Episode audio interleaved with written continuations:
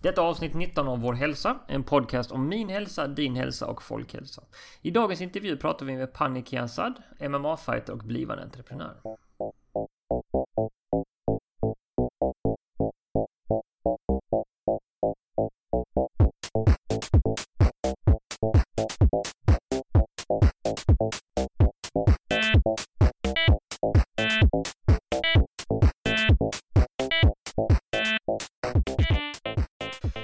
Alltså pratat med Pani Kiansad som har skaffat sig ett namn inom MMA. Och vi satte oss ner i hennes kök och fick en liten pratstund. Då sitter jag här med Pani Kiansad. Och eh, hej på dig. Och eh, vi har träffats för att vi ska prata lite grann. Och vi kan ju börja med, vem är Pani? Och vad har hon för bakgrund? Frågan. Eh, Panikhamzad kommer ursprungligen från Iran. Eh, kom hit med mamma och pappa och mina syskon, mina tre syskon. 93 kom vi till en by som heter Åstorp utanför Helsingborg. Bodde där ungefär sex år och sen flyttade vi in till Helsingborg för mina syskon skulle plugga. Um, ja, så gick jag väl i grundskolan um, på samma grundskola nio år och samtidigt där i, vad blev det, i sjuan när man är 13 så började jag boxas. Um, och uh, började gå matcher precis därefter, rätt så snabbt. Och sen så höll jag mig sysselsatt där i, tills jag var 18 ungefär med boxning. Okej. Okay. Mm. Och varför blev det just boxning och senare MMA liksom? Mm, nej men jag tror bara att jag var väldigt intresserad av, eh, alltså alltid varit intresserad av OS och allting och eh, mest de här eh, individuella sporterna. Allt om simning och friidrott och brottning och allting. Mm. Uh, kollat jättemycket på idrottsfilmer och sånt även om jag inte var den idrottsjocken i skolan så, men det är nog bara för att jag inte gillade, jag gillade inte um, idrotten i skolan för den var väldigt påtvingad i grundskolan. Yeah. Eh, sen blev den ju mycket bättre i gymnasiet för då fick man välja och lite sånt och eh, fick hålla sig egna pass och Uh, boxen bakom väldigt naturligt att det skulle vara en enmannasport, det skulle passa mig bra. Jag gillar honom mig för mig själv och det passar mig bra helt enkelt. Mm. Um, sen så hade jag ett antal matcher där och var med och tränade med um, juniorlandslaget på den tiden. Men så hade jag lite strul med klubbar och sånt och eh, så, så om man inte håller sig aktiv, för det var svårt för mig att hålla aktiv för jag kunde inte riktigt, det är inte som att nu att man kan bara gå till en annan, men jag tävlar för den. Utan Nej. i amatörföreningen är det väldigt så här att du måste skriva papper på att liksom du har bytt klubb och kunde inte vara med på ett SM och sen så blev jag utstryken för elitsatsningen då. Och därefter var jag 17 och sen så körde jag på ett år till och det gick inte bra och man trivdes inte. Så bara hoppade jag liksom av. Um, i, precis några månader innan studenten så hade jag hittat MMA då som var precis nära där jag bodde, mm. på Kaisho. Och uh, sen bara var det bara naturligt att bara packa väskan och sticka dit istället. Ja. Mm. Hur blev det sen att du gled in på matcher och liksom just mer att gå från att det är en, en rolig träning till att faktiskt tävla i det? Alltså, helt ärligt så tyckte jag inte det var sådär superintressant i början för vi hade liksom submission wrestling, hela nybörjaren, alla nybörjare eh, submission wrestling för det var liksom grunden vi skulle börja med. Och det var, visst det var intressant men jag visste att jag inte var bra på det. Alltså för med tanke på att jag var mm. helt ny. Uh, men uh, alltså det växte väl lite och jag hade absolut ingen tanke. Jag, jag hade bestämt mig när jag slutade boxa att jag inte skulle gå och tävla med. Aldrig. Eh, det var slut för min del och, liksom så, och jag ville bara hålla mig i form. Att komma i oform ska man inte skiten mm. Så jag ville bara liksom inte komma bli tjock som satan typ. så, nej men, och sen så när jag började på Keisho så faktiskt blev jag, blev jag instruktör för boxningen där. För motionärerna. Okay. Mm. Uh, så jag började direkt med det och sen så liksom, de tog hand om mig jättebra och vi har fortfarande, ibland är jag där när jag är hemma, fortfarande jättebra kontakt med dem. Um, så började jag då och um, rulla och sen typ en månad senare så gjorde jag min första SVL-match på, på Catchers Så jättelöjligt egentligen men jag brydde mig jag, jag tyckte det var jätteskoj fast jag förlorade. Jag mötte Sofia Norderna, en av Sveriges bästa grapplers I första matchen, och andra matchen, och tredje matchen. så hon var, min, hon var min första. Man måste ju börja någonstans. Ja, men det är jätteskoj liksom att se hur vi båda har gått en lång väg. Liksom. Um, nej men sen efter det så tror två, två tre månader senare så ställde upp min första shootfighting tävling. Um, och så gick jag fem till. Och så efter jag vann SM då så fick jag en inställd shootmatch till. Så min motståndare blev sjuk och sen så blev jag erbjuden en proffsmatch i Estland. Okay. 2012. Och jag hade det så lite knapert. Eh, jag visste inte riktigt vad jag skulle göra. För jag var rätt hundra efter SM att eh, ja, men jag kan nog testa det här med proffs liksom. För det var faktiskt så att eh, när jag hade gått SM så hade, blev jag erbjuden hon jag vann mot i Ryssland. Med äh, ryskan. Mm. Men då var hon 6-0. Jag hade noll matcher. Um, så vi tackade nej för att det var liksom... Vi, för det första så hade jag ingen sån här vi hade ju, vi hade, vi var ju bara två personer som gick på oss. Ja. Kanske var jag och Mats Nilsson. Eller, och jag hade knappt gått på sen. Jag hade inte börjat än. Så det var lite så här, vi vet inte riktigt. Uh, det kommer inte fungera och uh, jag kände att jag ville ha mer kött på benen. Uh, och så gick det ett tag till och så fick jag, uh, och sen, ja, då, så vann jag SM då och sen så kände jag, ja men jag tror jag är redo för att gå över. Liksom. Mm.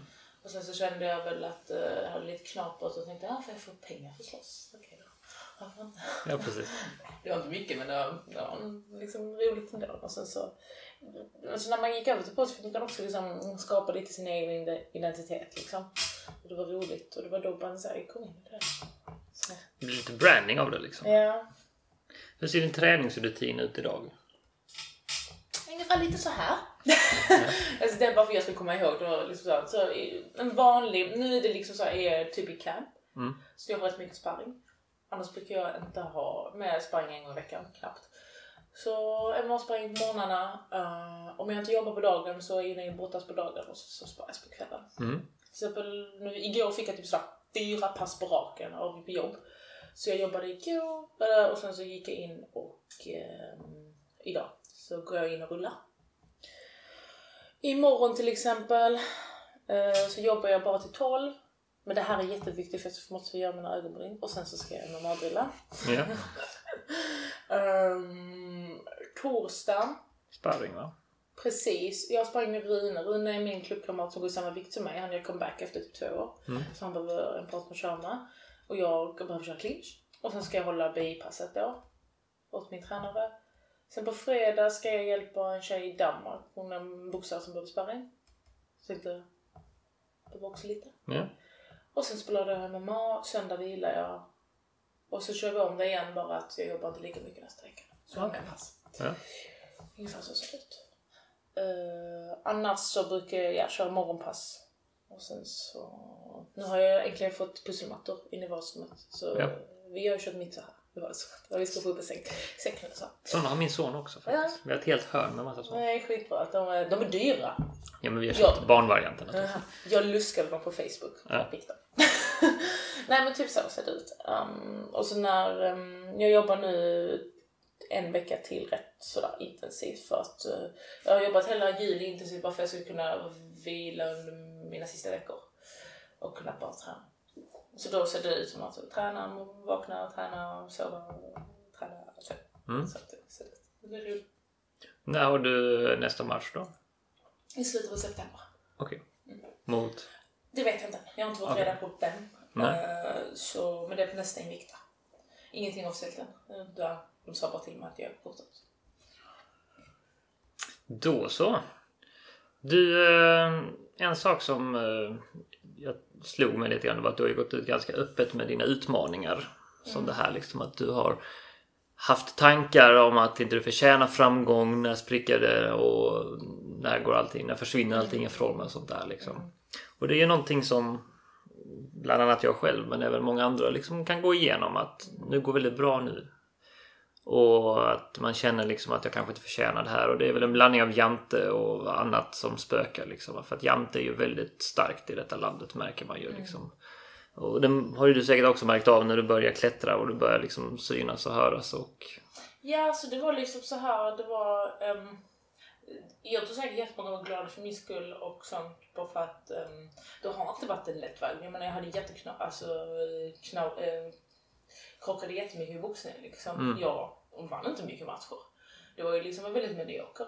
Och liksom, många tror liksom att jag gick över bara för att jag bara sög i det jag gjorde. Ja, det kanske jag gjorde, men jag hittade någonting mer jag gillade liksom. Ja, precis. Um, så det är väl mer så här att uh, jag behöver märka i slutet att uh, um, närmare jag kom till hitmatchen och sånt att det kändes mer som att um, folk väntade på att man skulle förlora. Bara för att liksom, att det är jobbigt att det går bra för någon. Ja. Yeah. Det är bara, man bara, kan man inte bara vara glad för någon annans skull liksom? Fan, jag har ändå kämpat med 11 år för detta. Precis. Så, det... Det var, det var bara lite jobbigt där i slutet för, för mig handlar det inte om match eller något sånt. Alltså för mig liksom att förlora en match inte, det har jag gjort en massa. Mm. Så det är ingenting jag är så förkrossad över. Utan jag är mer förkrossad att, att man inte hade någon kontroll över sin kropp eh, på sitt mentala. Liksom man kunde inte säga till sig själv, nu får du fan ta mig sluta liksom. Det finns inte, alltså det fanns, fanns inte. Så det är väl det som var det jobbiga för mig. Och, att, eh, och sen skadade jag mig efteråt som jag tyckte var fruktansvärt jobbigt. Det var nog värre tror jag. Mm. För när jag fortfarande mådde som sämst så åkte jag, åkte jag iväg till Thailand och trodde att ja, men nu åker jag iväg en stund så blir det säkert jättebra. Jag tränade typ tre pass om dagen med buktade diskar. Liksom, det gjorde mm. inte saken bättre så kunde jag komma hem kunde jag inte gå liksom. Och sen var jag borta ungefär två, nästan två månader från mig. Så jag bara rehabtränade i två månader. Ja. Och, men nu är jag helt återställd igen.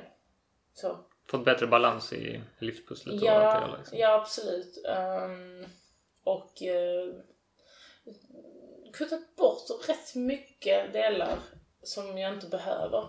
Speciellt folk som jag inte mm. behöver runt om mig. Det, alltså jag tror bara att man lyssnar för mycket på vad, liksom, vad runt om säger. Speciellt uh, speciellt familj och sånt. Så jag har haft min pappa som har stöttat mig rätt mycket efter matchen. Um, han om någon bryr sig inte om att jag för att jag förlorade utan han är mer bara liksom så om mitt välmående. Mm. Um, men till exempel jag hade inte någon bra, bra stöttning eller kontakt med min mamma till exempel. Hon kunde inte stötta mig efter. Nej. Och, um, och, då, och då liksom det jag märkte väldigt, väldigt tydligt, speciellt efter den matchen, för då hade jag inte förlorat en match på fem år, var att det finns ingen annan som ser efter mig än mig själv. Precis. Oavsett om det är familj, om det är blod, eller om det är pojkvän, om det är flickvän, om det är man eller fru eller vad som helst liksom. Så med det här med att alla säger ja men jag tror familjen är närmast. Ja men familj behöver inte vara blod, det kan vara vem som helst. Sant. Jag menar, han är inte min familj men han är ändå närmast mig liksom. Mm. Um, så att försöka kutta bort, att inte kutta bort men att inte lägga så mycket energi på folk som inte liksom ger mig någonting och jag inte kan ge dem någonting. Precis. Man behöver inte dra i folk som inte vill en väl. Nej, precis. Utan kan jag avvakta och låta folk komma till en ja, i så fall. Liksom. Så därefter matchen då så liksom hjälpte min pappa mig rätt mycket. Men vi har också haft våra upp och nerstunder för han är också, jag kan förstå hur det är att leva med mig för jag bodde hos honom ju. Mm. Och eh, liksom kommer hem efter typ livs största match och liksom säger ingenting. Precis som att ska vi gå ut och dricka kaffe efteråt liksom. Det var, för honom var det så, varför pratar man inte? Och mamma liksom var så här, nej du får, det, du får inte åka till USA med, det är inte bra och du, du är inte på den nivån och du ska inte göra detta. Så. Och så började jag så, jaha. Ja, då var det det här, det är 11 år så bortkastad tid var liksom. Det är ju det att man, eh, alltså man behöver ha uppbackning på något sätt. Och har man inte alltid det så kan det bli lite shaky. Med både det ena och det andra helt klart. Va? Men det är skönt att du har fått bättre balans och att du har vågat kutta lite grann i umgängena så att säga. Va? För att jag tror att många skulle må bättre om man vågade ta det steget lite grann att markera. För att eh, jag tror vi är rätt så försiktiga i detta landet rent allmänt. Att man är liksom, man vill vara respektfull och man vill liksom inte stöta sig med någon. Mm. Så man tar smällen och kanske umgås med folk som man kanske inte alltid liksom mm. egentligen orkar med. Alltså det kan vara små grejer också som liksom många tror att man kan säga vad som helst till en atlet, speciellt i kampsportare, men han eller hon, de tar det liksom. Ja. De klappar sig själva i bröstet och går de vidare liksom. Jag pratade med min bästa vän om det. Hon, hon har också varit, äh, tävlat rätt mycket BI. Också slutat på grund av skada och liksom sånt. Och i samband med det så gick hon upp i vikt skadad, stillastående, mm. hitta en annan sport men fortfarande. Precis. Och, och, och, då, och då var det helt plötsligt jättemånga av hennes närstående också som blev så här eh, helt plötsligt blev de intresserade att hon hade gått upp i vikt. Och då blev man lite så, och sen så kunde man påpeka det liksom. Och jag har fått höra det jättemånga gånger typ när jag håller på träna inför matcher eller off-season. Jaha, ja ja. Det liksom påpekar hur man såg ut och hur stor man är Mm. och eh, borde du inte göra så, borde du inte sköta dieten så. Och då tänker man liksom, vad har du med det att göra? Mm. Jag vet inte om du vaknar med mig sex på morgonen varje dag och puttar mig till träningen. Det är nog jag som kuttar min vikt. Alltså du vet sådana små grejer. Och det kan vara från vänner och sånt som ska berätta för en hur man ser ut och hur man ska göra. Som vill väl. Nej, ja men typ så. Och sen bara typ, du vet när man är helt nermanglad och har vägt in och man lägger på det här fejkleendet och folk bara ja men gud vad snyggt det är. Så, Varför ser du inte alltid ut så här? Liksom så här, åh gud din mage var så fin. Jag bara alltså. Folk känner inte till processen helt enkelt. Nej. Ja, men det ser vi nu när man kollar på OS också, liksom hur grundat det där är. Eh, utseendehetsen framförallt mot, mot tjejer och kvinnor. Liksom, liksom att I OS så blir de mycket fokus, det blir mycket fokus på liksom, hur snygga folk är eller hur folk är klädda och sånt där på ett helt annat sätt. Men de bedöms på prestation, sen kan de se ut hur de vill. Mm. Alltså om en man vägde 150 kilo, var 1,50 lång och simmade som en gud så hade folk inte kommenterat utseendet för fem öre. Men som du nämner liksom va. Mm. Minsta liksom kilo här och där så bara mhm. What's going on liksom. Typ så här att folk säger att man ser flabbig ut och man ser det ut. Man bara liksom, för, alltså vet du vad? Jag kan må se flabbig ut men jag har way bättre, bättre kondition än du har. Mm. Alltså det spelar ingen roll hur man ser ut. Nej. Som sagt, jag har alltid varit liksom, min, min kroppsbyggnad har alltid varit så här. Mm. Ända sedan jag var liten och boxade typ så här 57-60. Jag har alltid varit så här. Mm. Jag har aldrig ändrats någonsin. Jag, vet inte, jag tror inte jag vill heller att det ska ändras. Och det, eller innan ville man ju det. Man, man sa ju bara så här, men fan, jag har inget sixpack. jag har ett one pack. Ja, brödrost istället för Ja. Apropå det här med diet och sånt där som du nämnde lite grann innan. Tänker du på vad du äter och i så fall vad och hur? Ja, alltså speciellt innan, alltså när jag, när jag vet att ungefär den här tiden ska jag tävla liksom. Mm. Och eh, min största buss är att jag är en sån sockeroman liksom. Jag älskar godis och bakelser, allting liksom. Alltså, eh, och sen så gillar jag typ såna här, eh, alltså jag älskar frukostar och typ Mm. så hotellgrejer. Men alltså jag vet att jag har typ fyra magsäckar som en kossa. Ja. Så jag, ehm, jag försöker, jag, jag är en sån som jag måste ha lite mer disciplin på mig själv när jag är off-season för jag är, min, min kroppsbyggnad är liksom, den suger åt sig allt som är svamp. Mm. Liksom luktar jag på grädde så blir jag tjock. Så jag, jag, jag har inga bra ämnen som sätter. Nej. Inte på det viset. Ehm, men när det väl händer någonting så händer det väldigt snabbt. Alltså Mm. jag, kan komma ifrån väldigt bra, eh, väldigt snabbt. Ehm, speciellt när det är nära match så försöker jag vad heter det, få i mig alla mina måltider. För det är jag sämst på, att jag får inte in det tillräckligt för att jag har alltid något att göra. Mm. Om jag jobbar så liksom, måste jag typ sätta timer. Det är nog en ganska vanlig utmaning tror jag. Jag har inte tiden, du vet. Men eh, jag kan tycka liksom, det är, jag tycker skönt att ha den här kollen också innan match. Att veta exakt vad jag äter och lite sånt. Mm. Mm, försöker undvika, jag undviker faktiskt mjölkprodukter eh, när jag startar camp. Eh, närmare camp så typ om en vecka vill jag helst sluta med mjölkprodukter. Den står jättebra på magen. Jag har fuckat upp min mage efter alla års bantning. Mm. Och vad är det mer jag försöker tänka på? Jag hatar grönsaker. Verkligen. Jag tycker inte om, alltså för det är också förstört mycket för mig. Alltså behöver jag inte äta grönsaker så gör jag inte det. Nej. Men jag försöker väl hålla allting. Jag, jag vill gärna laga min mat själv. Ja. Och det gör jag oftast. Eh, För då vet man själv vad som är i och så. För då kan man liksom man kan ju också lyxa till sina måltider på helgerna fastän man inte behöver äta skitmycket om man lagar det själv. Alltså det är mycket bättre att laga en hamburgare själv än att gå och köpa. Liksom. Ja, ja, herregud. För då kan du fortfarande hålla det på dietnivå. Du kan fortfarande hålla det healthy Ja, på något precis. sätt liksom. Ja, så brukar jag väl göra.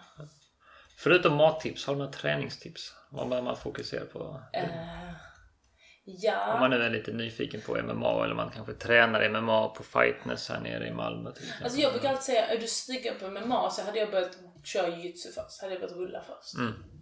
Uh, antingen rulla eller bara... Um, och sen så går jag uppåt. Jag, jag, jag vill börja nerifrån och så vill jag gå upp. Mm. Uh, innan tänkte jag tvärtom. Innan när jag var rätt så... För några år sedan tänkte jag att ah, man borde boxas först. Um, det går också bra men jag, jag, tycker man förstår gamet bättre om man börjar nerifrån. Mm. Jag vet inte varför jag tycker det. Jag bara tycker, men, men det är nog bara för att förra året fick jag en sån YouTube-upplevelse. när, när jag träffade, vad hette det, Chris Harder. Ja. Han sa väl så, så fick jag en sån YouTube-upplevelse. Jag bara fan allting sitter i YouTube nu. så, det är en hel del movement och annat. Ja men alltså du, du får lära dig så mycket rörelser i, äh, på marken som jag tror du kan använda dig jättemycket av. Och eh, för jag tycker det var enklare för mig att lära mig marken än vad det var för mig att lära mig boxas. Mm. Um, så jag, om, jag hade varit så lite intresserad men inte i superbra form hade mm. jag börjat rulla liksom. Eh, för oftast blir det så, går man till boxningspass så är de ju, alltså boxningsmentaliteten är ju galen liksom. Det är massa straffarmhävningar, det är hopprep och gud, alltså det, det är för ja. mycket om man är ny. Ja. Så jag, jag kommer antingen BI eller någonting. Ja. Hur blev uh, den här dokumentären Slåss som en tjej till? Uh, jo, det var så. Jag blev kontaktad av Gustav, hette han, som mm. ringde mig. En av dem som gjorde det.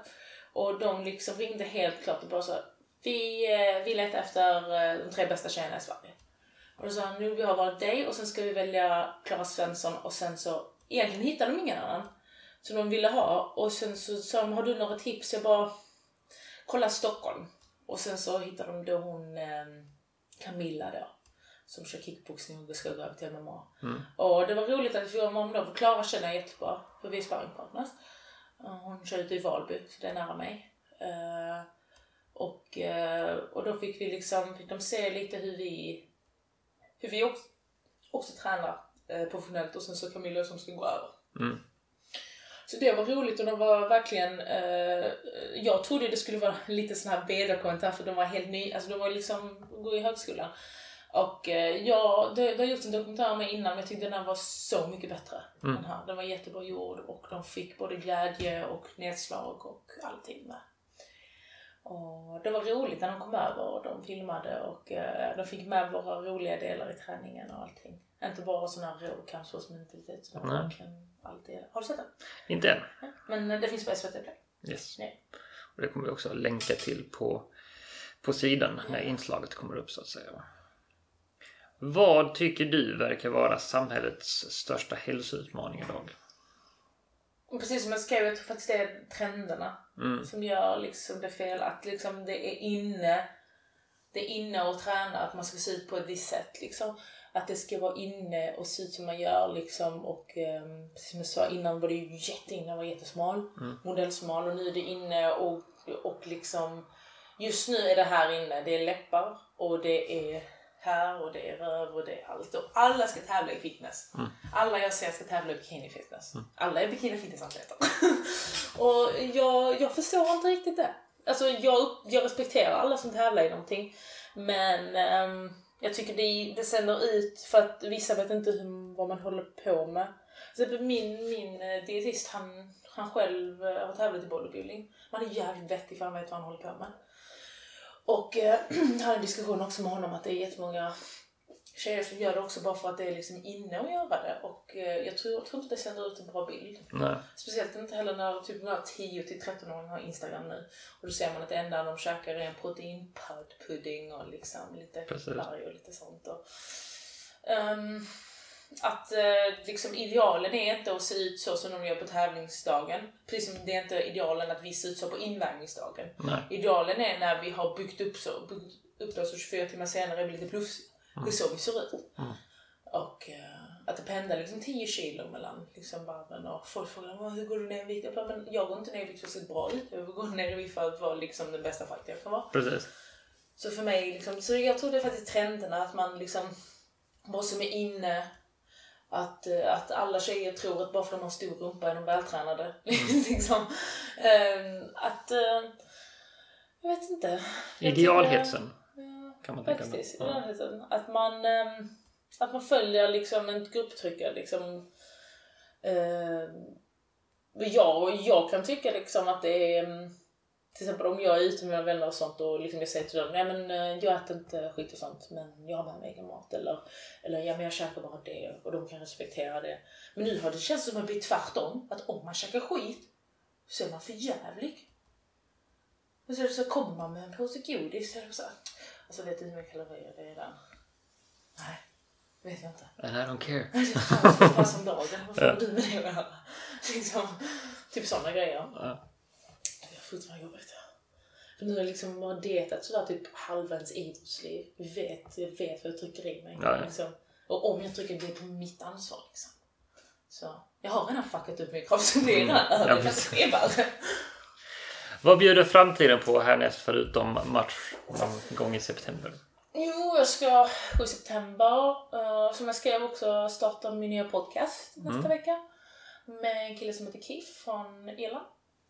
Och den ska handla om MMA såklart. Och vi ska ha en gång i veckan där vi snackar skit om eh, eh, vad vi hatar för stunden. Typ såhär, veckans, veckans grejer så ska vi ha gäster. Mm. Inte bara liksom kända gäster utan liksom allmänna gäster, typ grannen. Vem vet? Ehm, så jag ska ha en podcast och eh, jag åker över till London om två veckor för jag ska um, prata med han killen som fixar mina nya handskar. Mm. Han har skapat ett nytt uh, boxningsmärke. Som heter? Kansas. Chockande. Så, Jag har sett några bilder på dem. Det är lite, lite snygga med, vad heter det, quotes och ja på dem sånt där också. Liksom. Eh, Jag kallade uh, Humble Not Afraid to Rumble. Ja, så var det. Eh, faktiskt, den, den där citatet kom efter att en av mina gamla motståndare um, uh, trashtalkade mig framför en publik i buren när jag var kommentator. Ja. Och då blev jag lite sån, huh. Jag är, jag, jag är fan ta mig bra människa. Så, så jag började tänka så fick jag så skitbra quote. Ja. så jag tänkte lägga på min handske. Får skicka på handskar till henne som är signad och säga tack för, tack för inspirationen. Ja, tack för inspirationen för att du var en kant.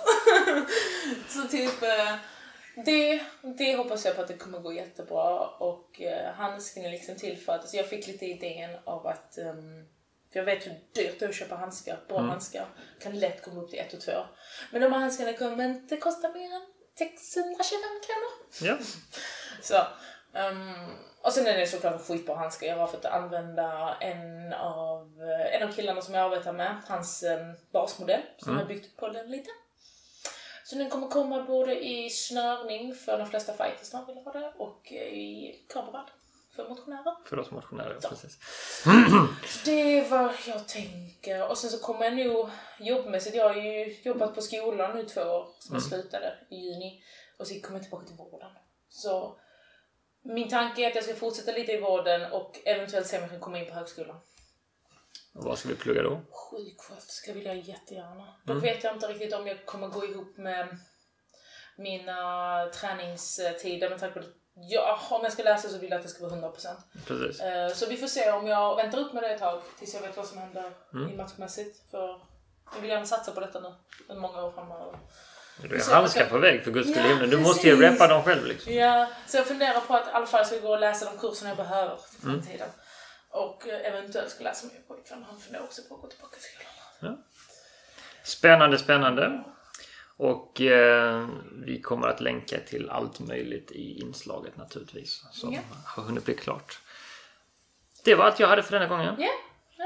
Så eh, jag tackar så jättemycket och önskar dig lycka till med allting framöver. Det var allt för vår hälsa-podden den här gången. Jag hoppas ni tyckte om dagens avsnitt och att vi hörs igen. Ha nu en riktigt bra dag och glöm inte, bättre hälsa börjar med ett beslut. Ditt.